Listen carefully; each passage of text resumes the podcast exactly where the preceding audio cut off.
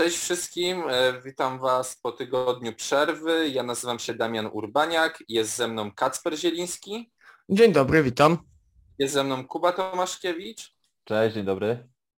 i witam Was wszystkich oczywiście w Waszej ukochanej audycji, czyli Lwia Gadka. Odcinek 23 za nami, oczywiście tematyka dzisiaj będzie stricte zachowana, jednak no warto podkreślić, że panowie spotykamy się w ciężkich czasach, tak? E, Wschodni sąsiad ma dość spore problemy i tak naprawdę trudno było się skupić na futbolu. Nie wiem, czy się ze mną zgodzicie, gdzieś ten futbol w ostatni weekend, zwłaszcza w szczególności pewnie zszedł w wielu domach na dalszy plan. Dlatego moje pytanie panowie brzmi tak, e, czy w ogóle oglądaliście tą ligę, zanim przejdziemy, zaczniemy? Śledziliście naszą ukochaną tak od dechy do dechy, czy jednak tak nie mogliście się za bardzo na tym skupić? I może Kuba coś powiesz na ten temat?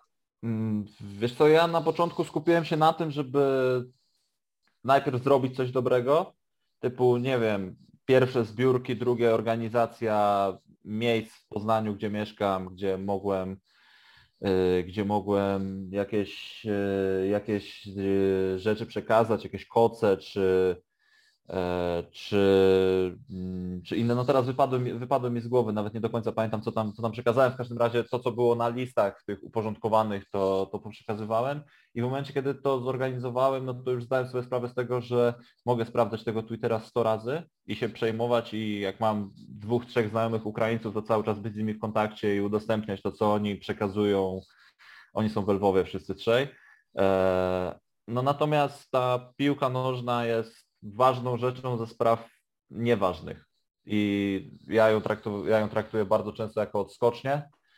E, I w tym przypadku również ją traktuję jako odskocznię, aczkolwiek no, żeby była jasność, to jest tak jak mówię, no, e, ze spraw, ze spraw mało istotnych jest to sprawa bardzo ważna i ja polecam wszystkim, żeby trzymali rękę na pulsie, ale, ale znaleźli sobie taką odskocznię, czy to będzie piłka, czy robienie na drutach, cokolwiek, żeby, żeby nie myśleć o tym, bo poza wspieraniem, bo poza wsparciem mentalnym, czy w formie zbiórek, czy w formie znajdowania lokum czy pracy, to nie możemy za wiele zrobić.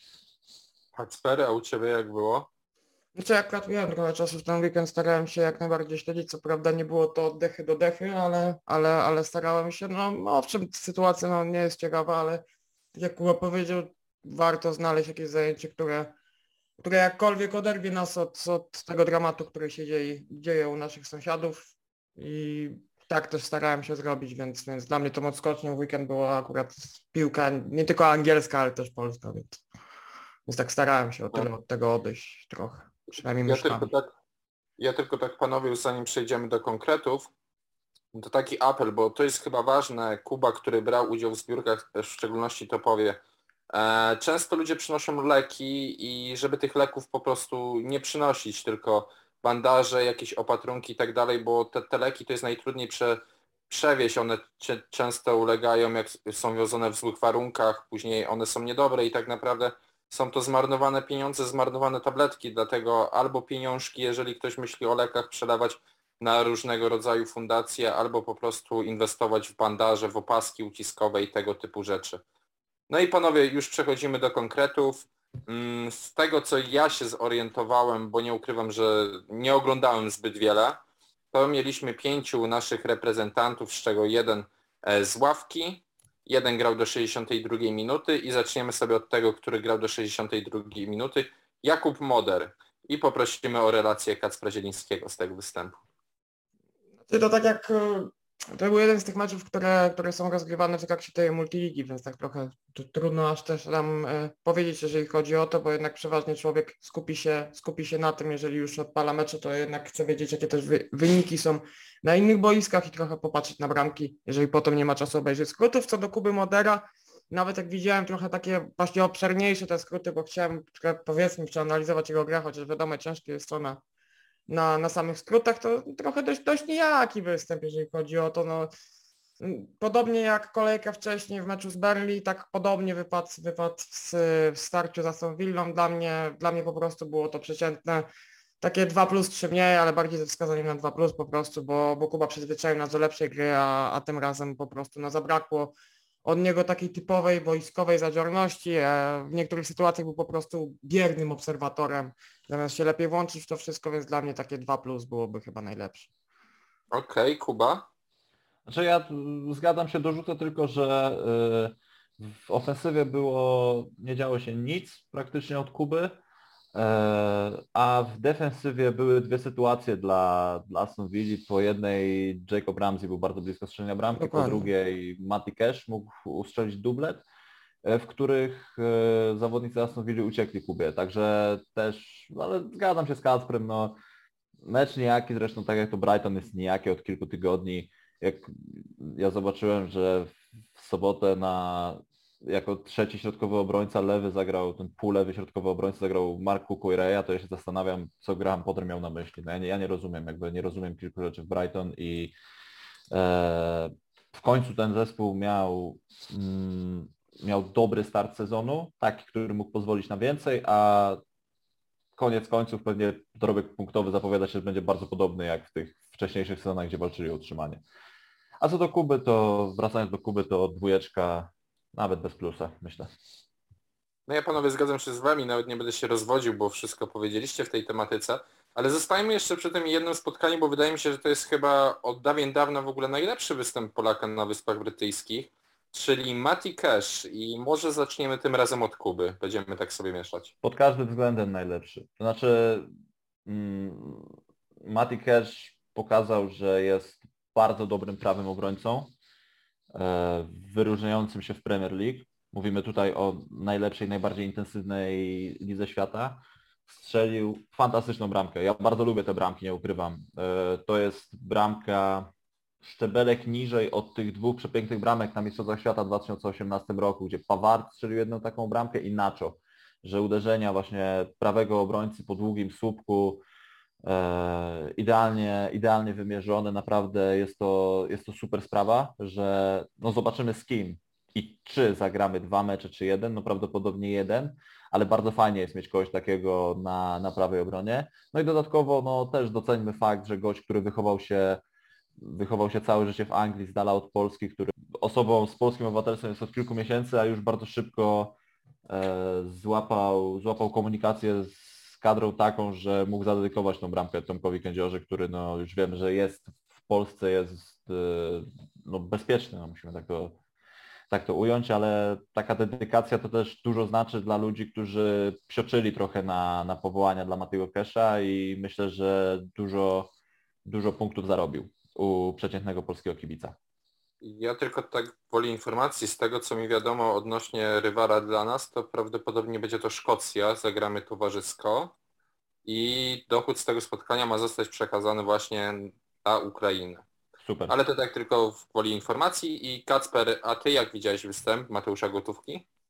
No, trudno dodać coś więcej, tak naprawdę zagrał moim zdaniem spotkanie takie typowe na piątkę, jeżeli chodzi o to. Pierwszy raz dostałem w historii naszego programu i tak naprawdę pierwszy raz od dłuższego czasu, bo ostatnim Polakiem chyba był Jan Bednarek i to ja mu dałem piątkę mniej. Mm, tak teraz tutaj daję, daję tę piątkę bezapelacyjnie. Dla mnie chyba najlepszy występ Kasza w tym sezonie. Tam też było fajne starcie z Leicester City, z tego co pamiętam, ale, ale pod względem takim ofensywnym na pewno najlepsze, bo coraz odważniej się włącza i to jest tak, że naprawdę wygląda to tak, jakbyśmy z meczu na mecz widzieli coraz ofensywniejszego tego Kasza, aż, aż można pomyśleć, że w pewnym, w, w pewnym momencie e, Steven Gerrard go postawi w końcu na skrzydle, a nie na prawej obronie, ale naprawdę fajny występ, podobał, podobał się z tego co pamiętam, miał też 100% wygranych pojedynków, bo Aston Villa, profil oficjalny Aston Villa na Twitterze wrzucił nawet taką statystykę, więc, więc naprawdę to, to robi wrażenie i, i dla mnie, dla mnie Cash no, no, najlepszy z Polaków w e, minionej kolejce zasługuje na piątkę w 100%.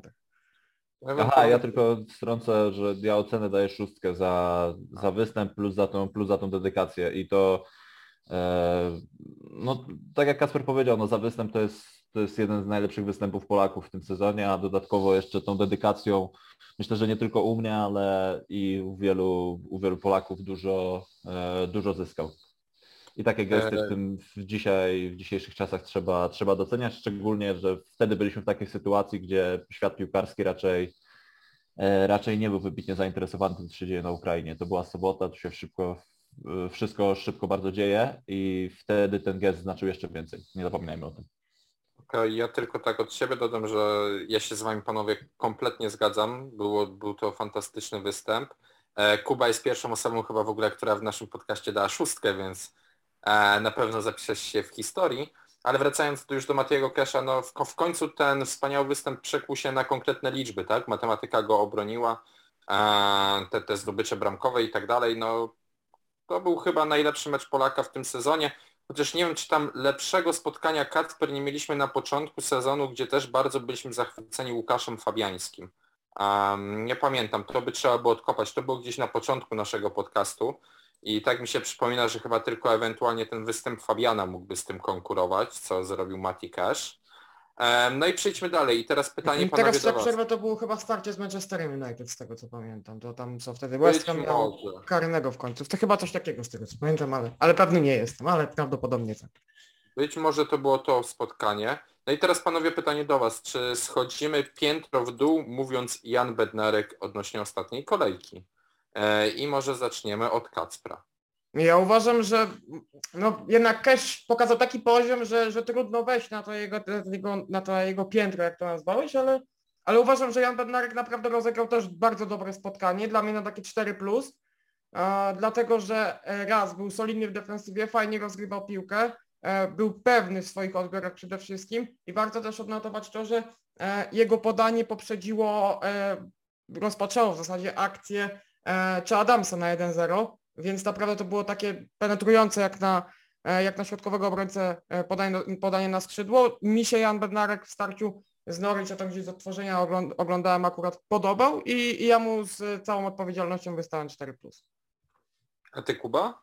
Ja nie mam nic do dodania. Uważam, że ocena środkowego obrońcy, dobry występ, jak najbardziej. Natomiast ocena środkowego obrońcy w starciu z Norwich, które strzeliło 15 bramek w tym sezonie, e,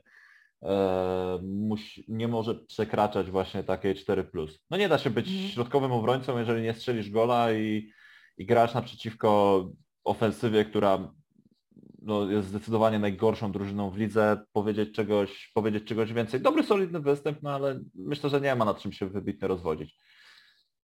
Okej, dobra, to mamy tutaj.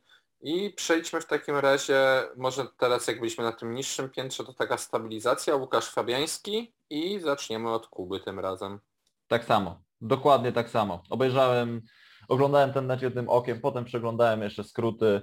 E, Wolverhampton zaliczyło jeden strzał na bramkę Fabiańskiego i oczywiście wiadomo skala rywala była znacznie wyższa, natomiast sam występ Fabiańskiego. To był dość podobny występ jak w zeszłym tygodniu z Newcastle, jeżeli chodzi stricte indywidualnie o Fabiańskiego, tylko że po prostu West Ham wygrał 1-0, a nie było 1-1, jak w zeszłym tygodniu przy bramce, już prawie dwa tygodnie temu, przy bramce Joey Locka mógł się, znaczy mógł, no, no stracił tę bramkę po prostu i wystawiliśmy mu ocenę dostateczną, tam trójkę wystawiliśmy, tak tutaj no, no czwórka za czyste konto i tyle, myślę, że nie ma co się rozwodzić dalej.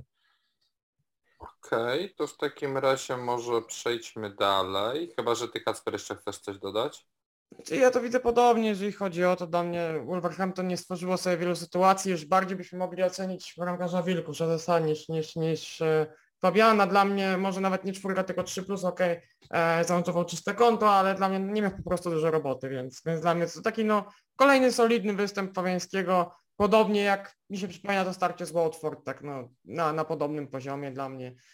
No takie 4 mniej 3 plus, bo no nie miał wiele roboty po prostu. To znaczy ja tylko wtrącę Kasprowi, że my docenimy Fabiańskiego dopiero w momencie, kiedy go nie będzie. Ja mam takie wrażenie, że tak nie, zdaje, że e, nie zdajemy sobie sprawy z tego, jak dobrze jest mieć zawodnika defensywnego, który cały czas trzyma poziom. Cały po prostu czas on trzyma ten poziom. No to jest jakby to, że tutaj pojawiają się czwórki czy trójki plus, to nie jest, to nie świadczy o tym, że Łukasz Fabiański jest średnim bramkarzem, tylko Łukasz Fabiański jest bardzo dobrym bramkarzem jak na standardy Premier, żebyśmy mieli tego świadomość. Takie, I też trójka plus to też niezła ocena trzeba wziąć pod uwagę, tak? Bo okej, jest od tej wyjściowej, ale też no 3 plus nie powiedziałbym, że jest, że jest słabe, że nie wypada, nie wypada źle, jeżeli chodzi o to. Oj, kluby poznańskie się zatrzęsły, jak czasami studenci dostają po sesji 3+.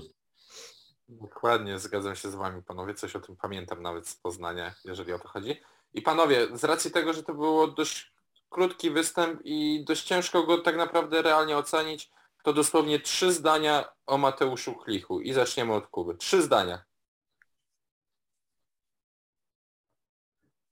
Nie wiem. Nie wiem. Nie wystawię żadnej oceny. Nie, no... Nie, nie, ma, nie ma co wystawiać oceny. Ja nie lubię wystawiać oceny zawodnikowi, który który wchodzi w drugiej połowie przy stanie 0-3 z wyżej notowanym rywalem, bo to nie ma żadnego sensu. Ja nie, nie wiem, nie, nie potrafię wystawić oceny Mateuszowi do tego występu. Kacper? Dla mnie też, bo jakbym wystawił ocenę wyjściową, to by było trochę takie umniejszanie Łukaszowi Fabiańskiemu za jego występ, mimo że nie miał dużo roboty, no to jednak no, zagrał całe spotkanie, a Mateusz Kikna wszedł na boisko. Nic nie zrobił, był tak naprawdę w ofensywie, ale też nie jego winą padła ta czwarta bramka. Było już 3 do 0, Lidz było pogrzebane, tak w zasadzie nie było widać tej woli walki wśród piłkarzy Pawie, więc dla mnie no to takie, no, no ciężko go ocenić, też się wstrzymam od oceny. No, no trudno mi coś, cokolwiek powiedzieć. No dobra, to mamy w takim razie naszych reprezentantów, tudzież byłych z głowy. Reszta trzyma formę naszego ulubionego obrońcy, czyli Jacha, czyli nie pojawili się po prostu na placu gry. Tak tylko I... warto odnotować słowem wstępu, znaczy słowem tak wtrącić, że, że, że Przemek Pochada nie zagrał w ostatniej kolejce, ale zagrał w meczu z Liverpoolem przez 45 minut, no ale nie popisał się niczym wyjątkowym. Myślałem, że Jarosław nie, nie, nie, nie, nie, nie, nie, nie ma żadnych... Zawiodłeś mnie, zawiodłeś mnie. E, dobra, e, to panowie, no, nie ukrywajmy, temat na czasie, temat i smutny, i z drugim dnem, i niektórzy różnie sobie myślą, czyli Roman Abramowicz sprzeda Chelsea, to już chyba wszyscy wiemy, zostało wydane oświadczenie. E, I co to w ogóle będzie oznaczało dla londyńskiego klubu? Bo ja wam mogę powiedzieć jako fan, że pojawia się dużo znaków zapytania z tego co wiem, jest tym zainteresowany jeden ze szwajcarskich biznesmenów, który chce stworzyć konsorcjum, w którego skład miałby wejść 7 czy 8 osób. Kompletnie nie wiem, jakby miał wyglądać wtedy pion zarządzania, jeżeli chodzi o transfery i tak dalej. Bo z tego co się mówi, że odejście Abromowicza to tak naprawdę jest odejście też i Baxa i Mariny z, z miejsca, czyli ten cały pion sportowy, dyrektorski gdzieś będzie rozwalony. E, przyjdą nowe miotły, a wydawało się, że ta drużyna, patrząc na to jeszcze w jakiego trenera poszła Tomasa Tuchela, to jednak jest taki projekt górnolotny, ciągle, który się będzie wznosił, bo tam i skład jest młody. I teraz pytanie, czy, czy to nie będzie taki jakiś ostry zakręt y, w ślepą uliczkę i jak wyjedziemy z tunelu, no to albo będzie szybki spadek w dół, albo będzie w górę. Jak wy w ogóle się na to wszystko zaopatrujecie? I może najpierw poproszę o zdanie kibica Arsenalu, czyli Kubę Tomaszkiewicza. Znaczy tak, e, dobrze, że nadmieniłeś o moich sympatiach kibicowskich, ale to się przyda na jakieś za 15-20 minut mm, naszego podcastu. W każdym razie y, z mojej perspektywy Chelsea, już abstrahując od tego, jakim Roman Abramowicz był człowiekiem, z kim się zadawał, czy zadaje, zadawał. Nie wiemy tego i to, to nie jest kwestia do, nam do, może nie do oceny, no ale do rozważania tego, co teraz z nim będzie. Jeżeli chodzi o Chelsea, ja uważam, że jesteście, jesteście jako, mówię teraz do Ciebie Damian, jako do fana Chelsea, w zupełnie innej sytuacji niż Arsenal, z którego odchodził Arsene Wenger i w zupełnie innej sytuacji niż Manchester United, z którego odchodził Sir Alex Ferguson, bo zaczęły się takie porównania, że że po Fergusonie już nie było United, po Wengerze nie było Arsenalu, a po, po Abramowiczu nie będzie Chelsea. Tylko, że sytuacja w Chelsea jest taka, że może się zmienić poziom zarządzania, ale cały czas jest to, to nie jest kolos na glinianych nogach. To jest bardzo silna pod każdym względem, pod, pod kątem sportowym, jeżeli chodzi o akademię, jeżeli chodzi o y, sam pierwszy skład, jeżeli chodzi o sztab trenerski, jeżeli chodzi o E, o takie rzeczy jak nawet budowanie kultury klubu, czyli to, że Petr Czech jest zaangażowany w, e, w ruchy, e, w, w ruchy sportowe sportowy. Chelsea. Tak jest. To, że John Terry teraz wrócił, był pomysł z Frankiem Lampardem, no, który wiadomo, że nie wypalił, aczkolwiek E, Abramowicz... Ja twierdzę, przerwę Ci, ja twierdzę, że wypalił, ale to, to, to ja już mam na to swoją teorię. Okej, okay, jakby to chodzi, chodzi mi o to, że Lamparda nie ma. Ja też się zgadzam z tym, że Lampard jest y, dobrym trenerem, ale nie o tym. W każdym razie chodzi mi o to, że w Chelsea została zbudowana pewna kultura i to, że i to już nie jest klub zbudowany, znaczy w 2003 roku, kiedy Abramowicz decydował się na to, czy kupi Chelsea czy Tottenham, był to klub no, no poziomu dzisiejszego, kurczę, nie wiem nawet jak to ująć, no drużyny, która Aston puka... Okej, niech będzie Aston Villa, która puka do, spróbuje, stara się pukać do, do górnej połówki tabeli, żeby tam regularnie być. A teraz jest to maszyna, której myślę, że ta sprzedaż nie zatrzyma.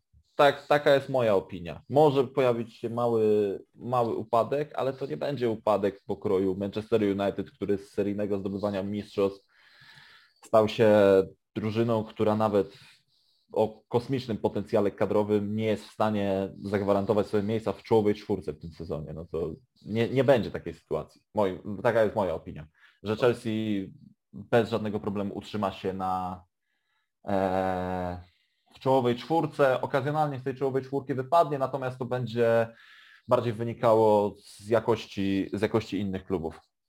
Okej, ja bym chciał, zanim Kacper oddam Tobie głos, to tylko tak e, w gwoli przypomnienia, mm, że wiele osób w ogóle zarzuca Romanowi Abramowiczowi to, że on de facto zaczął psuć rynek transferowy. To nie byli wcale szejkowie, to nie byli wcale Katarczycy, tylko wtedy, kiedy on przyjmował Chelsea, to był w stanie skłonny płacić czy za Michaela Balaka, czy za innych piłkarzy po 30 milionów euro, co wtedy było no naprawdę kwotami z kosmosu, tak?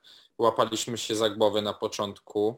E, Był to człowiek, który de facto zdefiniował ten klub na nowo, bo zaczęła się seria pucharów wrzucanych do gabloty i tak naprawdę za wyjątkiem Franka Lamparda, który w pierwszym sezonie nie włożył nic do gabloty, to za Romana każd- w każdym roku, w każdym sezonie wpadało minimum jedno trofeum. I czy to nie jest gdzieś to takiego, że mm, gdzieś jak to się zmieni i te, to właśnie o czym mówiłem, że pojawi się, nie wiem, 7-8 osób decyzyjnych w formie konsorcjum, czy to w ogóle nie będzie problem, taki paraliż, chaos przy zarządzaniu, bo ile piłkarze ok, będą dalej przychodzili, bo marka Chelsea, mm, fajne miejsce do gry, do życia Londyn, spoko trener, bynajmniej na razie, którym jest Tuchel, a jednak no to wszystko, gdzie zawsze zmiana właściciela taki powoduje znak zapytania. E, Wydaje mi się, Kacper, że podobnie to wyglądało, jak przejmowała to rodzina Glazerów, tak? Tam też był jednak mimo wszystko lęk. E, Dzisiaj widzimy, jak to wygląda. Były lepsze czasy, były gorsze, dlatego może Ty coś powiesz tutaj z własnego doświadczenia od swojej strony, od Manchesteru United, któremu sympatyzujesz. Mm, Tak nawiążę tylko do początku Twojej wypowiedzi. Dla mnie rynek futbolowy, ry- rynku futbolowego nie, nie, nie zepsuł Roman Abramowicz, chociaż uważam i tak i tak, że mimo, mimo tego co powiedzieliście, że jest obrzydliwym człowiekiem i, i wszystkie fakty o tym moim zdaniem mówią, ale jeżeli chodzi o sam, e, o sam zepsucie rynku, dla mnie, dla mnie zepsuł go Florentino Perez i inflacja. Co do Manchester United, e, gorsze jak Chelsea natrafi teraz na człowieka, dla którego będzie się liczył tylko i wyłącznie zysk, niekoniecznie względy sportowe, bo kimś takim jest y, właśnie, kimś takim są, jest godzina Glazerów. Oni postawili głównie na marketing i owszem Manchester United przez jakiś czas stał się i chyba dalej jest jednym z najpopularniejszych, nie nie- najpopularniejszym klubem na świecie, na pewno jednym z najpopularniejszych. Mm, ale problem w tym, że nie za tym wyniki sportowe. Dla, dla klubu bardziej się liczyła wizja tego bycia, bycia medialnym i tak naprawdę od momentu odejścia Sir Alexa Fergusona, który powiedzmy podchodzi do tego z jakimś swoim światopoglądem, z taką bardziej sztywną narracją powiedzmy i z rekrutowaniem osób do klubu, a, które spełniają to DNA United powiedzmy, Mm, Potem przerodziło się to w kupowanie znanych nazwisk, w kupowanie piłkarzy, którzy niekoniecznie pasują nawet do stylu gry samego trenera, gdzie chociażby takim transferem jednym z pierwszych był Angel Di Maria w 2014 roku, gdzie raczej to mijało się z celem, żeby pasował do, do taktyki Luisa Van Hala. E, A co, co, do samego, co do samego wizerunku Chelsea, e, teraz w tym momencie dla mnie tak jak mówisz o tych szwajcarskich konsorcjach, to może być krok w tym kierunku, tylko e, biorąc pod uwagę, jakiej pozycji jest teraz Chelsea i jak tak, tak naprawdę młoda jest ta kadra jeszcze, wątpię, żeby wydarzyło się to samo, co w Manchesterze United. E, gorzej by to wyglądało, gdyby ta kadra wyglądała jak Manchester United w 2013 roku, bo to była stara kadra, to byli, to byli zawodnicy, którzy tak naprawdę Ferguson, Ferguson wyciskał u nich e, 100, 150%, a, a po jego odejściu nikt nie potrafił e, przywrócić ich na, ich na, taki, e, na, na taki sam poziom, jak grali za, za Szkota. tutaj w tym przypadku to są piłkarze naprawdę dobrzy nieważne czy nawet jeżeli nowemu właścicielowi nie do końca podobałby się Thomas Tuchel, to Chelsea i tak i tak moim zdaniem zawsze znajdzie się dla niej miejsce czy w top 4, czy zawsze to będzie jakiś puchar co sezon. Więc jedyne czego bym się obawiał, to może długofalowego e, braku zdobycia mistrzostwa, ale nie widziałbym aż takiego upadku w kierunku wypadnięcia z walki o top 4, jak to wyglądało w przypadku Manchester United, gdzie tam rzeczywiście e, walczyli o to czwarte miejsce, ale tylko i wyłącznie o czwarte miejsce, tak? Potem dopiero nastało jakieś tam wicemistrzostwo e, za Solskiera czy za Mourinho, ale jednak wcześniej była to głównie walka o, o, o top 4 i, i w sumie teraz znów, znów jest przez całą sytuację, ale wydaje mi się, że Chelsea maksymalnie to może, może e, będzie, będzie takim zespołem, który e, będzie mógł się martwić, czy zdobędzie mistrzostwo, wicemistrzostwo, czy zdobędzie czwarte miejsce, ale raczej nie musi się, e, nie musi się obawiać o wypadnięcie z top 4. Takie jest przynajmniej znaczy, moje ja jeszcze tylko, Ja jeszcze tylko dodam, e, mm, teraz rozmawiamy o tym, co się dzieje po sprzedaży klubu przez Abramowicza. Nie wiemy kto, jeszcze nie wiemy kto, kto, kto, kto zakupi Chelsea. Mówi się, mówi się, no, że pojawiła się plotka o Konorze McGregorze, no chciałbym to zobaczyć, szczerze powiedziawszy. To jest kibic United, zadeklarowany. On jest kibicem wielu, no różnych, wie, wielu różnych rzeczy, ale y, już wracając do Abramowicza, y, niezależnie od tego, co się wydarzy, i tak, i tak e, Abramowicz, czy nam się to dzisiaj podoba, czy nie, stworzył projekt za bardzo duże pieniądze, ale stworzył projekt, który przez wiele lat, jeszcze przez wiele lat będzie wielką marką w Anglii. To nie są czasy już, gdzie Aston Villa zdobyła Ligę Mistrzów e, w latach 70. czy w latach 70. Dobrze mówię? Dobrze mówię.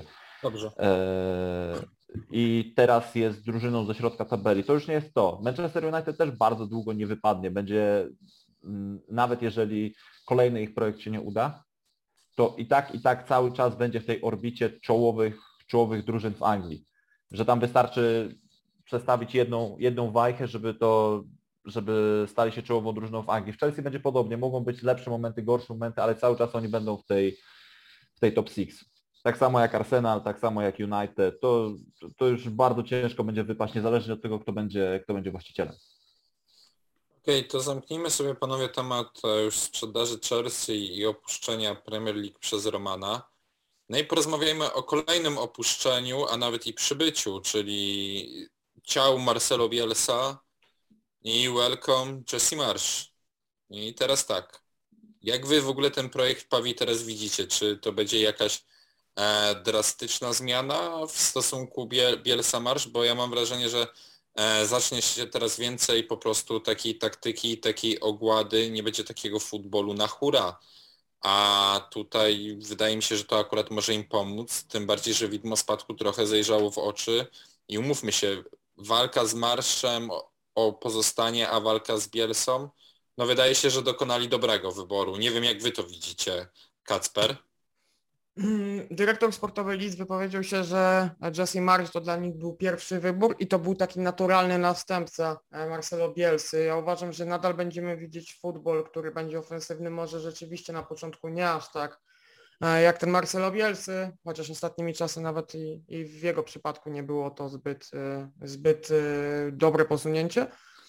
Ale dla mnie, może rzeczywiście czasami zobaczymy taki pragmatyzm, dla mnie o tyle Lipsk jak oglądałem go w Lidze Mistrzów, bo Bundesligi aż tak nie siedzę, nie śledzę, e, wyglądał czasami na drużynę, która potrafi, powiedzmy to, wygrać spotkanie tak e, nie do, z pozornie słabszym rywalem, jak to miało miejsce z Klub Bruż, gdzie Belgowie potrafili zachwycać, ale, ale i tak i tak e, Leeds potrafili zmasakrować 5-0 i to może być kluczowe właśnie, że jeżeli Leeds spotka się z takim Watfordem chociażby, czy, czy Norwich, w końcu będzie mogło, e, już mówię w kwestii długofalowej, nawet nie w tym sezonie, w końcu będzie mogło wygrywać, e, wygrywać mecze i to znaczącą przewagą bramek, bo tego też trochę mi się wydaje brakowało.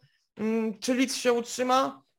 To jest ciężkie pytanie, bo to też wiele zależy od sytuacji kadrowej, ale ja jestem, się, jestem w stanie pokusić o stwierdzenie, że, że z Jesse Marshall na pewno to będzie łatwiejsze niż z Marcelo Bielsą i, i Amerykanin prawdopodobnie zapewni Pawią utrzymanie, ale ale wiadomo, że dużo pokażą najbliższe kolejki, w ogóle jego debiut, bo też możemy sobie teraz gdybać, ale musimy poczekać do, do pierwszej oceny, tak jakby po tym, co Leeds pokaże w debiucie, bo może być to taki ofensywny impuls, niekoniecznie zmiana całkowita stylu gry, ale właśnie może to ta świeżość, to świeże podejście e, prosto z Ameryki w końcu e, i dodatkowo z Niemiec, e, a nie to już trochę powiedzmy to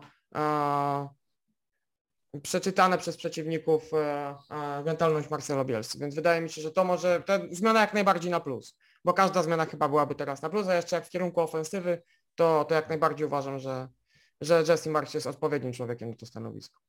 Kuba, oddaję Tobie głos. Mm, z Bielsą pojawił się mm, problem w momencie, kiedy zespół zaczęły trapić kontuzje. I jak tak spojrzymy, to Leeds nie jest kadrowo wybitnym zespołem. W zeszłym sezonie mieliśmy takie wrażenie, że e, jest to fantastyczna drużyna, która będzie walczyła o puchary, wejście do czołowej szóstki, siódemki, ósemki. No, a dzisiaj tak spojrzymy, wypada Bamford, wypada, Rafinha jest cały czas na żółto w fantazy Premier League e, i tam w większości gra, no ale czasem wejdzie z ławki. E, Philipsa długo nie ma, środka pola nie ma i tak nagle okazuje się, że że ten zespół nie jest wcale aż tak dobry, jak, e, mm, jak wcześniej było to mówione. Oczywiście to nie jest tak, że ja to usprawiedliwiam Bielsę, bo e, takie bramki jak, e, jak kilka z tych bramek z Tottenhamem, czy bramki tracone w meczu z Aston Villą, naprawdę to nie jest tak, że tam tak ustawieni najlepsi piłkarze na świecie osiągaliby dużo lepsze wyniki. Jest taka mm, jest takie przeświadczenie, że Bielsa, znaczy przeświadczenie, to jest fakt, że Bielsa uwielbiał krycie mm, tak zwane kolokwialnie każdy swego, jeden na jeden. I w momencie, kiedy masz zawodników perfekcyjnie przygotowanych do, do meczu pod kątem fizycznym, taktycznym i mentalnym, no to super, możesz tak grać. Tylko brakuje tego planu B. Planem B jest zawsze przejście do krycia strefą, do atakowania stref i marsz yy, to właśnie ma. Nauczył się tego w Salzburgu pod okiem Rangnika, e, w Lipsku, przepraszam, pod okiem Rangnika, potem przeszedł do Salzburga, gdzie e, potrafił namknąć przede wszystkim, mm, przede wszystkim piłkarzy do, e, do wchodzenia na wyższy poziom, co pokazał w meczu z Liverpoolem w Lidze Mistrzów w październiku 2020 roku. I uważam, że Jesse Marsh, że Jesse Marsh nie odmieni, e, nie odmieni Leeds, natomiast wprowadzi tam pewien rygor taktyczny, e, dzięki któremu Leeds się utrzyma. E, do wtorku powiedziałbym, że Leeds się nie utrzyma, ale jak zobaczyłem jak zobaczyłem, co zagrało Burnley z Leicester, to myślę, że Burnley ich nie przeskoczy. Po prostu. Że ten Jesse Marsh kilka meczów wygra samym przygotowaniem taktycznym do spotkania. Czyli będzie, czyli kilka punktów Leeds wygra trener i to będzie coś, czego brakowało, brakowało im w, w, ostatnim, w ostatnim czasie, w ostatnich tygodniach, a nawet miesiącach. I panowie, zanim trochę was podgrzeję tutaj, wrzucę na grilla, mm, to chciałbym, żebyśmy jeszcze porozmawiali o jednej, chyba najistotniejszej kwestii w tym sezonie. Sześć punktów straty Liverpoolu do Manchesteru City. E, The Reds mają zaległy mecz jeszcze do rozegrania. Czy w ogóle wierzycie w to, że jeszcze Liverpool przygoni drużynę Pepa Guardioli? Czy według Was to jest osiągalne? Mm, bo my z Kasperem praktycznie z tego co pamiętam do grudnia się upieraliśmy z tezą, że Liverpool nie wygra Mistrzostwa Anglii, bo przegra je poprzez Puchar Narodów Afryki. A jednak ta sytuacja nie miała miejsca. Ja bym, ja bym nawet tutaj założył stwierdzenie takie, że wręcz przeciwnie, Liverpool jest dzisiaj bliżej tytułu niż jeszcze był e, w październiku i w listopadzie, patrząc na swoją grę i jak wyglądały tam wyniki. A na ten moment to jednak te szanse dla mnie osobiście wynoszą na ten moment takie 40 do 60 na korzyść Manchesteru City. Czy wy w ogóle widzicie to podobnie? Czy na przykład zaraz założymy taką tezę, że może Salah wypadnie, że może Mane wypadnie i to się posypie. Jak wy w ogóle ten obraz widzicie? I zaczniemy może od Kuby. E, no Salah i Mane już wypadli i widzieliśmy jak to wyglądało. Jak, No wejdziemy, na, jak, jak wejdziemy na Flash Scora, to zobaczymy tam samą zieleń. E, Liverpool, mm, największy problem Liverpoolu właśnie w tym okresie, o którym mówiliście, czyli o grudniu, nie był sam Liverpool, który tracił okazjonalnie punkty, tylko to, że City włączyło tryb walec. 4-0, 7-0, 6-3 z Leicester, ale tam 4 4-0 było do przerwy i pojawiło się kilka błędów w defensywie. E, I Liverpool teraz też włączył od początku roku tryb walec. Słuchajcie, e, powiem Wam tak, e, w tym roku Liverpool, mamy marzec i Liverpool nadrabiał mecze. Liverpool stracił 4 gole. Mówimy tutaj o zespole, który przez Puchar Narodów Afryki stracił dwóch swoich najlepszych zawodników. Oczywiście wszystkie mecze wygrał e, w lidze. I ja nie jestem przekonany wcale, że mm, jak 10 kwietnia odpalimy telewizory na starcie o Mistrzostwo Anglii, to City będzie faworytem w tym meczu. Bo patrząc w drugą stronę, patrząc już na City, e, no będę troszeczkę nieobiektywny, no ale to w jaki sposób e, City zostało, mówiąc brutalnie, przepchane w przynajmniej trzech spotkaniach, okej, w dwóch spotkaniach z Arsenalem i z Evertonem i dodatkowo w meczu z Wolverhampton, kiedy tam Raul Jimenez zdał czerwoną kartkę, najgłupszą w tym sezonie chyba, czerwoną kartkę na początku pierwszej połowy, również City wygrało po golu z rzutu karnego, no gdzie zagranie remką tam było takie, że jakby żało Moutinho odciąć tę rękę, to również by w niego trafili. Ręka była naturalnie ustawiona i też ten karny był żartem. I tak prawdę powiedziawszy, ten Manchester City z tego walca stał się pomału tym, tak pomału, bez pośpiechu, nie zmierza w stronę rozwoju, tylko zmierza w stronę tego czołgu, który został ciągnięty na traktorze. No, w porównaniu oczywiście z Liverpoolem. Cały czas Manchester City to jest fenomenalna drużyna, aczkolwiek wydaje mi się, że y, ty dałeś 60 do 40 dla City w wyścigu o mistrzostwo, ja daję 65 do 35 dla Liverpoolu, patrząc na obecną formę. Y, bo tak jak mówię, wydaje mi się, że City pomału zwolniło, a Liverpool się tylko rozpędza. I jeszcze warto wspomnieć, że Liverpool y, dość potężnie się wzmocnił zimą, bo taki transfer jak Luis Diaz to jest naprawdę piłkarsko fantastyczny gość. I może wyobrażam sobie sytuację, gdzie Liverpool gra z przykładowym, niech będzie z przykładową Aston Villą, w 84 minucie jest 1-1 i to nie Salah, nie Mane, nie Firmino, nie Jota, tylko Luis Diaz zapewnia, zapewnia trzy punkty. Także ta ławka, e, ta ławka Liverpoolu jest jeszcze bardziej poszerzona i uważam, że e, Liverpool ma szansę zdobyć przynajmniej jedno trofeum w tym sezonie jeszcze. I myślę, że Mistrzostwo Anglii wcale nie jest tak daleko. Okej, Kacper, za- zanim Tobie dam głos, to tak podsumuję. Kuba, ja użyję trochę innego porównania, mam nadzieję, że się nie obrazisz, ale Kuba sugeruje nam, że City z pociągu pośpiesznego stał się tak zwanym osobowym, a Liverpool cały czas tym ekspresem jedzie. I tylko tak, e, żebyś Kacper od razu w to odpowiedział, bo ja mam wrażenie, że to może być taka zagrywka znowu Guardioli, że on mimo wszystko gdzieś tam celuje w tą Ligę Mistrzów, jak wszyscy dobrze wiemy i być może to jest taki na zasadzie nazwijmy to lekkiego dołka po to, żeby właśnie w kwietniu i w maju nic się nie wydarzyło, żeby ten walec znowu zaczął jechać, czy ten pośpieszny, jakbyśmy się trzymali tego kolejarskiego porównania. Czy dla Ciebie na ten moment mimo wszystko faworytem jest dalej City, czy jednak wyżej stawiasz na ten moment Liverpool? Ja rozkładam szansę 50 na 50, to teraz wstępie powiem w sensie. Mamy idealne remisy w, na, na tej płaszczyźnie. Panowie, y, mam talent, byśmy nie zrobili, żeby ktoś przeszedł, więc no okej, no, usza, uszanuję to remis, napiszemy na tablicę ogłoszeń, zobaczymy, kto ma rację. Nie, wiesz, ja, da, ja dałem 65-35. Także No ja wiem, ale ty za Liverpoolem, ja za City, a tutaj 50 na 50, więc wiesz, A, w ten sposób, tak jak ten.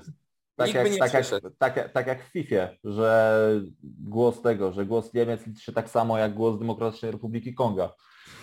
No, no dobra, okej, niech będzie. Nie, no, Znaczy- no, no, dawaj Kasper.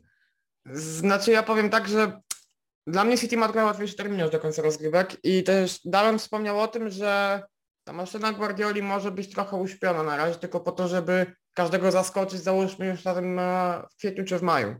I może tak być rzeczywiście, bo nieraz e, Hiszpan to stosował, wydaje mi się nawet może nie do końca świadomie, ale, ale, ale w tym zeszłym sezonie widzieliśmy coś podobnego. Nie wiem, czy to było rzeczywiście tak świadome, czy nie, ale, ale już w listopadzie czy w grudniu mówiliśmy, City nie zdobędzie mistrzostwa, a, a potem zaczęło gnieść każdego, dosłownie nowa taktyka, wszystko było inne w tym zespole. Mm, dla mnie Manchester City, trudno mi go wskazać jako faworyta, tak samo trudno wskazać mi Liverpool, ponieważ e, jednak mimo, że Luis Diaz to jest świetne wzmocnienie dla Derec, to jakby wypadł załóżmy w salach w tym momencie, jednak ta siła rażenia owszem dalej będzie duża, ale jednak w takim meczu z Manchesterem City, no to to może mieć ogromne znaczenie, tak? E, dalej upieram się w przekonaniu, że Liverpool ma o wiele większą siłę rażenia niż, niż Manchester City, bo ma w, w tej trójce z przodu Luisa Diaza, Mane, e, Salaha, plus jeszcze tam w owodzie jest Diogo Jota chociażby, czy Roberto Firmino, plus jeszcze Divo Corrigi, Minamino, to są zawodnicy, którzy naprawdę mogą zrobić różnicę, to jest trochę tak poukładane półkami. E, moim zdaniem tak dość, dość można to tak, taką hierarchię z tego zrobić, ale, e, ale naprawdę ta ofensywa Liverpoolu robi wrażenie. Problem tylko jest w tym, że, że Manchester City jednak ma moim zdaniem większe pole do rotacji niż Liverpool. E, owszem, w ofensywie wygląda to super, ale jednak w pomocy Jurgen Klopp wyciska ile może z pomocników Liverpoolu i widać, że taki Jordan Anderson to jest, to jest ogromna wartość dodana dla jego zespołu, mimo że wydaje mi się, że w innym zespole mógłby się tak nie odnaleźć, e, ale jednak jeżeli taki Henderson by wypadł i Fabinho chociażby, no to ten środek pola już by wyglądał średnio i Liverpool jedyne co się może im stać złego, to może właśnie bardziej nie o tyle te kontuzje w ofensywie, co kontuzje w środku pola. Mogą być tutaj kluczowe, dla mnie przynajmniej. E, ja stawiam teraz szansę 50 na 50, bo, bo jednak e, trudno mi przewidzieć, czy, czy nie wejdzie tutaj jakiegoś, jakiejś kontuzji czy czegokolwiek. Jeżeli jednak drużyny zachowają na najwyższy poziom, na jakim grają i piłkarzy w, w obecnej dyspozycji to jak Liverpool ostatnio idzie jak Walec, to jednak bliżej byłbym do The ale dalej zostawiam głosy 50 na 50, bo, bo różne rzeczy się mogą wydarzyć. To znaczy ja tylko, do, ja tylko dopowiem jedną rzecz. Mówimy o tym, że Liverpool ma większą siłę rażenia, ok? I e, mówimy o tym, że Liverpool stracił 4 gole w tym roku w lidze. I jeszcze to były gole e, pierwszego albo drugiego stycznia z Chelsea był remis 2-2 Czyli I na były to kacu nic- sylwestrowym. Proszę? Na kacu sylwestrowym jeszcze. E, Okej, skoro tak. Ja bardziej chciałem docenić jakość Chelsea, a nie, a nie na kacu sylwestrowym, żeby powiedzieć, ale okej, możemy tak to powiedzieć. I dwa nic nieznaczące trafienia w, e, w meczach z Norwich i z Crystal Palace. Także, tak jak mówię, y, bitwy wygrywa się atakiem, wojny obroną. Mm, Liverpool myślę, że wygra nie tylko Salahem, ale Van Dijkiem i Matipem, którzy są w fantastycznej formie. I niekoniecznie niekoniecznie bokami tej obrony, tylko środkiem. To też jest mm, Nowość, nie jeżeli chodzi o Liverpool. może, właśnie chciałem powiedzieć, że może nie nowość, ale coś, o czym często zapominamy przez to jakaś siła rażenia w Salachu, w Mane, w Robertsonie, w Aleksandrze Arnoldzie i tak dalej, i tak dalej. Że Van Dijk i Matip mogą być kluczowymi elementami. No dobra panowie, to zobaczymy kto, kto triumfuje na koniec sezonu. E, no i teraz e, no, no wrzucę wam gorącego kartofla, że tak powiem i zobaczymy kto go szybciej zje i kto go bardziej och, ochłodzi, ostudzi. E, zaczniemy niewinnie, bo od Manchesteru United i czy z taką grą stać go na zajęcie miejsca w top 4 i ja w tej kwestii poproszę, zanim oddam głos Kacprowi, a później jak Kacper skończy mówić, to od razu wejdzie Kuba, zrobimy tak i powie dlaczego Arsenal przegoni Manchester United na koniec sezonu w tabeli i to oni prze, przejdą dalej. Kacper zaczynasz. Znaczy ciężko mi uzasadnić, dlaczego Manchester United ma przegonić Arsenal, bo wydaje mi się, że to kanonierze zajmą czwarte miejsce na końcu sezonu. Ale wiele Okej, osób... dobra, możemy, się- możemy się rozejść. Na razie, cześć, dzięki. E, ale, ale tak osobiście to mam wrażenie, że maszyna Ralfa Rangnika, ile tak to można nazwać, e, jest trochę niedoceniana, bo oni naprawdę rozkręcają się ze spotkania na spotkanie. Okej, mają te remisy 0-0 ze, z zespołami, których nie, nie powinno tego być, na przykład z Watfordem u siebie. Ale weźmy pod uwagę to, ile tworzą sobie sytuacji podbramkowych. Okej, patrzę na, strzały, na strzały celne. Nie będzie tego aż tak dużo, ale tam sporo strzałów idzie po prostu nad bramką. To jest totalna nieskuteczność w Manchester United. Gra wygląda dużo lepiej niż w połowie grudnia, pod koniec grudnia, jak Niemiec przejmował zespół. Więc y, to się powoli rozpędza. Tylko pytanie, czy nie za, nie za wolno. E, Dla mnie, tak jak mówiliśmy o, o szansach e, City, e, Liverpool na, na mistrza, dla mnie tak Arsenal ma tą może 2-3% przewagę nad United, bo nie wiem jak to się prędko rozkręci, Je- jeżeli będzie to w takim tempie jak teraz, teraz to widzimy, to wydaje mi się, że United do tego czwartego miejsca się nie doczłapie. Ale jeżeli nagle ta drużyna tak, złapie tak dużego tempa, to może to się skończyć czwartym miejscem i to nawet na luzie. Arsenal za to robi progres już od dłuższego czasu i to taki moim zdaniem dość duży. Ma momenty przestoju, ale dla mnie na chwilę obecną ceniłbym ich trochę wyżej niż ekipę Alfa Rangnika, dlatego też, że Mikel Arteta dłużej pracuje z drużyną i wydaje mi się, że zawodnicy no, siłą rzeczy bardziej rozumieją filozofię trenera niż ci w Manchesterze United e, w przypadku niemieckiego szkoleniowca, więc dla mnie większe szanse lekko ma Arsenal, ale może być to, może być to różnie, zależy wszystko jak rozkręci się Manchester United. Kuba? Y, To tak. Y, Ja jestem osobą obiektywną i sprawdziłem sobie y, jak Opta mm, mm, prediction, prediction przewiduje, y, jak to będzie na koniec sezonu. Opta zrobiła taką statystykę na, mm, na koniec sezonu, kto zajmie czwarte miejsce. E, Arsenal 62,4%, Manchester United 24,6%, Tottenham 8,3%, nie wiem o co tu chodzi, szczerze powiedziawszy, West Ham 5% i Wolverhampton 0,4%. E, Jedyne z czym się tutaj nie zgadzam to z tym Tottenhamem, który ma 8% i to nie jest kwestia moich kibicowskich, e, kibicowskich przekonań, po prostu nie da się zdobyć jakiegokolwiek sukcesu, jakiegokolwiek czołowego miejsca w tej, w tej lidze, będąc tak bardzo niestabilnym jak Tottenham. A wracając do pytania, bo umówmy się, ostatnie tygodnie pokazały, że mm, takie mecze, e, te mecze będące języczkiem uwagi mm, Arsenal Wolves, Wolves Tottenham, Wolves United pokazały i tabela też to pokazuje, że pomału odpuszczamy Wolverhampton, jeżeli chodzi o miejsce w czołowej czwórce. Tottenham jeszcze się trzyma, tylko no Tottenham już nie będzie grał więcej z Manchesterem City, więc jakkolwiek to nie brzmi, to jest dla nich duże utrudnienie. E, West Ham już pomału też widać, że jedzie na oparach, że traci, traci punkty i, ta, i te braki kadrowe są, są widoczne. Zostają dwie drużyny, Arsenal i Manchester United. E, I teraz tak, jeżeli chodzi o Manchester United, mówimy tutaj o drużynie, która swojego czołowego zawodnika na pozycję napastnika pozyskała 28 sierpnia. Jest to gość, który abstrahując od tego, jak wielkim był piłkarzem, jest to gość, który jest mm, większym szkodnikiem United w tym momencie. Niestety, bo fajnie jak legendy wracają i na białym koniu i, i super im się wiedzie. E, pomimo mojej prywatnej antypatii bardzo kibicowałem, żeby, żeby kibice United mieli dużo radości e, z goli Ronaldo. E, No ale niestety no nie da się budować tak zespołu. Nie da się budować zespołu bez napastnika, bo nie ma opcji B. Cavani jest raz kontuzjowany, raz nie, raz nie wchodzi. Ze względu na zupełnie zupełnie tutaj jest brak winy Manchester United w tym, no ale ze względu na to, co się wydarzyło z Masonem Greenwoodem, mało też wyczerpuje się mm, mm, zasób skrzydłowych. Bardzo fajnie, że pojawił się Elanga, młody, który, mm, który strzelił już e, ważną bramkę z Atletico Madryt i coraz lepiej wygląda. E, o środku pola United to myślę, że zostało tutaj powiedziane wszystko, że Fred i Scott McTominay to nie są piłkarze na czołową czwórkę. E, no i mamy obronę, która, e, której lideruje Harry Maguire.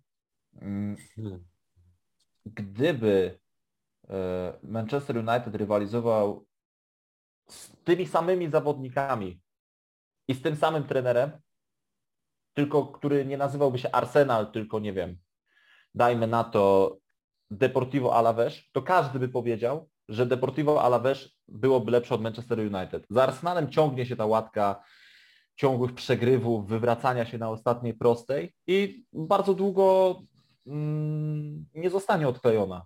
Natomiast mm, ten sezon, szczególnie ostatnie mecze, te dwa mecze z Wolverhampton pokazują, że jest to drużyna e, silna, e, bardzo mocno, bardzo mocno zbilansowana, w której nawet jeżeli zawodnicy są albo na wylocie z klubu, tak jak Lacazette, Szaka czy Pepe, albo którzy dostają mniej minut, to oni cały czas dają z siebie 120%. Czy jeżeli, wam bym, czy jeżeli powiedziałbym Wam miesiąc temu, że w kluczowym meczu o, e, o Ligę Mistrzów e, Arsenal będzie przegrywał 0-1, a dwie bramki zostaną wypracowane przez Nikolasa Pepe, to byście by mi uwierzyli, czy nie? Ja bym sam sobie nie uwierzył, ja bym to wyśmiał. Dlatego wydaje mi się, że tak jak Kasper powiedział, progres e, w, w tym procesie, jak to się ładnie mówi, mm, Mikela Artety, jest bardzo widoczny i paradoksalnie e, Arsenal ma gorszego napastnika w tym momencie niż każdy z rywali, czy to Wolverhampton, czy West Ham, czy Tottenham, czy Manchester United, ma gorszego napastnika, ponieważ Aleksander Lacazette nie jest, nie jest dobrym napastnikiem w tym momencie w obecnej formie. Natomiast przez to, że ten napastnik daje 120%, nawet jeżeli kontrakt mu się kończy w czerwcu, to, yy, to jego postawa moim zdaniem będzie jednym z kluczowych aspektów do, do czołowej czwórki Arsenalu. Okej. Okay. To mamy tutaj już wszystko powiedziane i panowie czas na nasz mm, pożegnalny numer, czyli plus i minus kolejki i oddam głos na początek Kasprowi, ale zanim to, to ja wybiorę oczywistego plusa i przyznam dwa. Jeden Matiemu Keszowi w ogóle za kolejkę, a drugi z racji, no, że prawdopodobnie odejdzie to jest po prostu symboliczne dla Romana Abramowicza mimo wszystko za ten czas spędzony w Chelsea. To naprawdę wyglądało bardzo dobrze z pozycji kibica. Owszem, były tam jakieś kryzysy, ale z reguły no, puchary się zgadzały w gablotach, dlatego uważam, że jemu się to należy i oddaję głos Kubie. Kubie, Boże, przepraszam, Kacper, Tobie. Mm, dla mnie minusem kolejki był Joshua Do Silva z Brentford. Kompletnie bezmyślny fall na macie targecie i szczerze mówiąc to mm, gdyby wejście było jeszcze mocniejsze, to, to Newcastle straciłoby e, kolejnego bocznego obrońcę po Kieranie Trippierze. Mm, jeszcze biorąc pod uwagę, że to był tak w tak wczesnej fazie spotkania faul, który przekreślił tak jakby jakiekolwiek szanse Brentford na na trzy punkty w tym spotkaniu, a nawet na remis, a o trzech punktach, o punktach nie wspomnę, więc, więc y, właśnie zawodnika Pszczółek bym wybrał tutaj jako największą wadę, powiedzmy, mm, tej kolejki minionej, a jako plus tutaj trochę taki moim zdaniem nawet już nie cichy, tylko taki no dość głośny bohater w tym, e, w tym spotkaniu, Ben Davis Tottenhamu, ponieważ bardzo dobrze gra w obronie jeszcze. Fajnie moim zdaniem popisał się tą interwencją, kiedy kiedy Stuart Dallas był już sam na sam z bramką, no fakt faktem to było spore, e, spore zawinienie ze strony gracza Pawi, ale jednak, ale jednak świetny wślizg, odebranie piłki. Też oceny na portalach wszystkich mówią dużo, ale pod względem samego przebiegu spotkania po raz kolejny świetny mecz, świetny mecz obrońcy Tottenhamu, więc ja jego ale chyba najbardziej chcę wyróżnić tutaj z zawodników w minionej kolejce. Kuba? E, poza oczywiście Mattym Cashem, którego również miałem, e, na pewno Ben Foster to jest gość, któremu nie da się nie kibicować z racji tego, jaką jest osobą, jak fajnie komunikuje się w mediach społecznościowych czy na YouTubie i zachował czyste konto, no było, nie było Manchester United na Old Trafford, który ma siłę rażenia na papierze fenomenalną. E, mówię na papierze, bo minusem jest e, dla mnie właśnie zawodnik z numerem 7 Manchester United. E, no powiem uczciwie, dawno nie widziałem tak słabego występu napastnika, bo mm, spotkałem się z taką statystyką, że Manchester United za rangnika tworzy najwięcej sytuacji bramkowych. I oczywiście możemy mówić o terminarzu, możemy mówić o tym, że to jest z większości zostałych fragmentów gry świetnie bitych przez Bruno Fernandesza. No natomiast yy, Cristiano Ronaldo ma 9 goli w lidze po 20, po 20 kilku spotkaniach. To nie przystoi gościowi, który miał być najlepszym piłkarzem świata, szczególnie, że on tę sytuację ma. I widać to jego machanie rękoma i to taką i, to, i tą taką rozpacz na twarzy po każdej niewykorzystanej sytuacji, czy po każdym złym zagraniu, to, no to nie wygląda dobrze. Po prostu to, to nie wygląda dobrze, a tak jak powiedziałem wcześniej, to nie jest, nie przemawia przeze mnie gość, który nie lubi Manchester United, tylko po prostu bardzo mi szkoda, że ta legenda, ta legenda Ronaldo tak, tak źle się starzeje po prostu. I, I problemem Manchester United nie jest Ronaldo, tylko sam sposób zarządzania, że nie ma żadnego planu B do 36 czy 7-letniego gościa, który przyszedł 28 sierpnia do klubu. E, jeszcze z plusów, e, skoro już wywołałeś mnie tak bardzo o Arsenalu, ja bym chciał powiedzieć, że e, odwrócić mecz z Wolverhampton to jest bardzo duża sprawa. Mm, podciągniemy weekend do, do czwartku, do meczu, do meczu Arsenal-Wolverhampton i uważam, że warto docenić Mikela Arteta za to, że po raz kolejny to on wygrał mecz swoimi zmianami, swoją zmianą taktyki. E, mecz, który myślę, że 9 na, 9 na 10 poprzednich sezonów byłby przegrany po prostu przez Arsenal. No, widzieliśmy to milion razy. Stracona bramka przez durny błąd środkowego obrońcy, który za krótko podał do bramkarza. E, bicie głową w mur przez 70-80 minut i jeszcze parę lat temu byłoby to 0-1 po no niby walczyliśmy, wszystko jest ok i następnym razem to się nie powtórzy, a zmieniło się w to w tryb, w którym Arsenal nie uznał po prostu tej porażki. Gol na 1-1 wypracowany przez dwóch rezerwowych, gol na 2-1 wypracowany przez rezerwowego, zupełna zmiana taktyki i zupełna dominacja na boisku, szczególnie w drugiej połowie. Także dla mnie Mikel Arteta też powinien zostać e, wyróżniony. Okej, okay. i tym akcentem kończymy na dzisiaj, panowie. Dziękuję wam bardzo serdecznie. E, był oczywiście ze mną mój współprowadzący, współgłównodowodzący Kacper Zieliński. Dzięki, dzięki. Trzymajcie się. Był oczywiście z nami nasz redakcyjny kolega Kuba Tomaszkiewicz. Dzięki Kuba wielkie. Dzięki, na razie. No i byłem z wami ja, Damian Urbaniak. Oczywiście słyszymy się za tydzień, oby w lepszych czasach.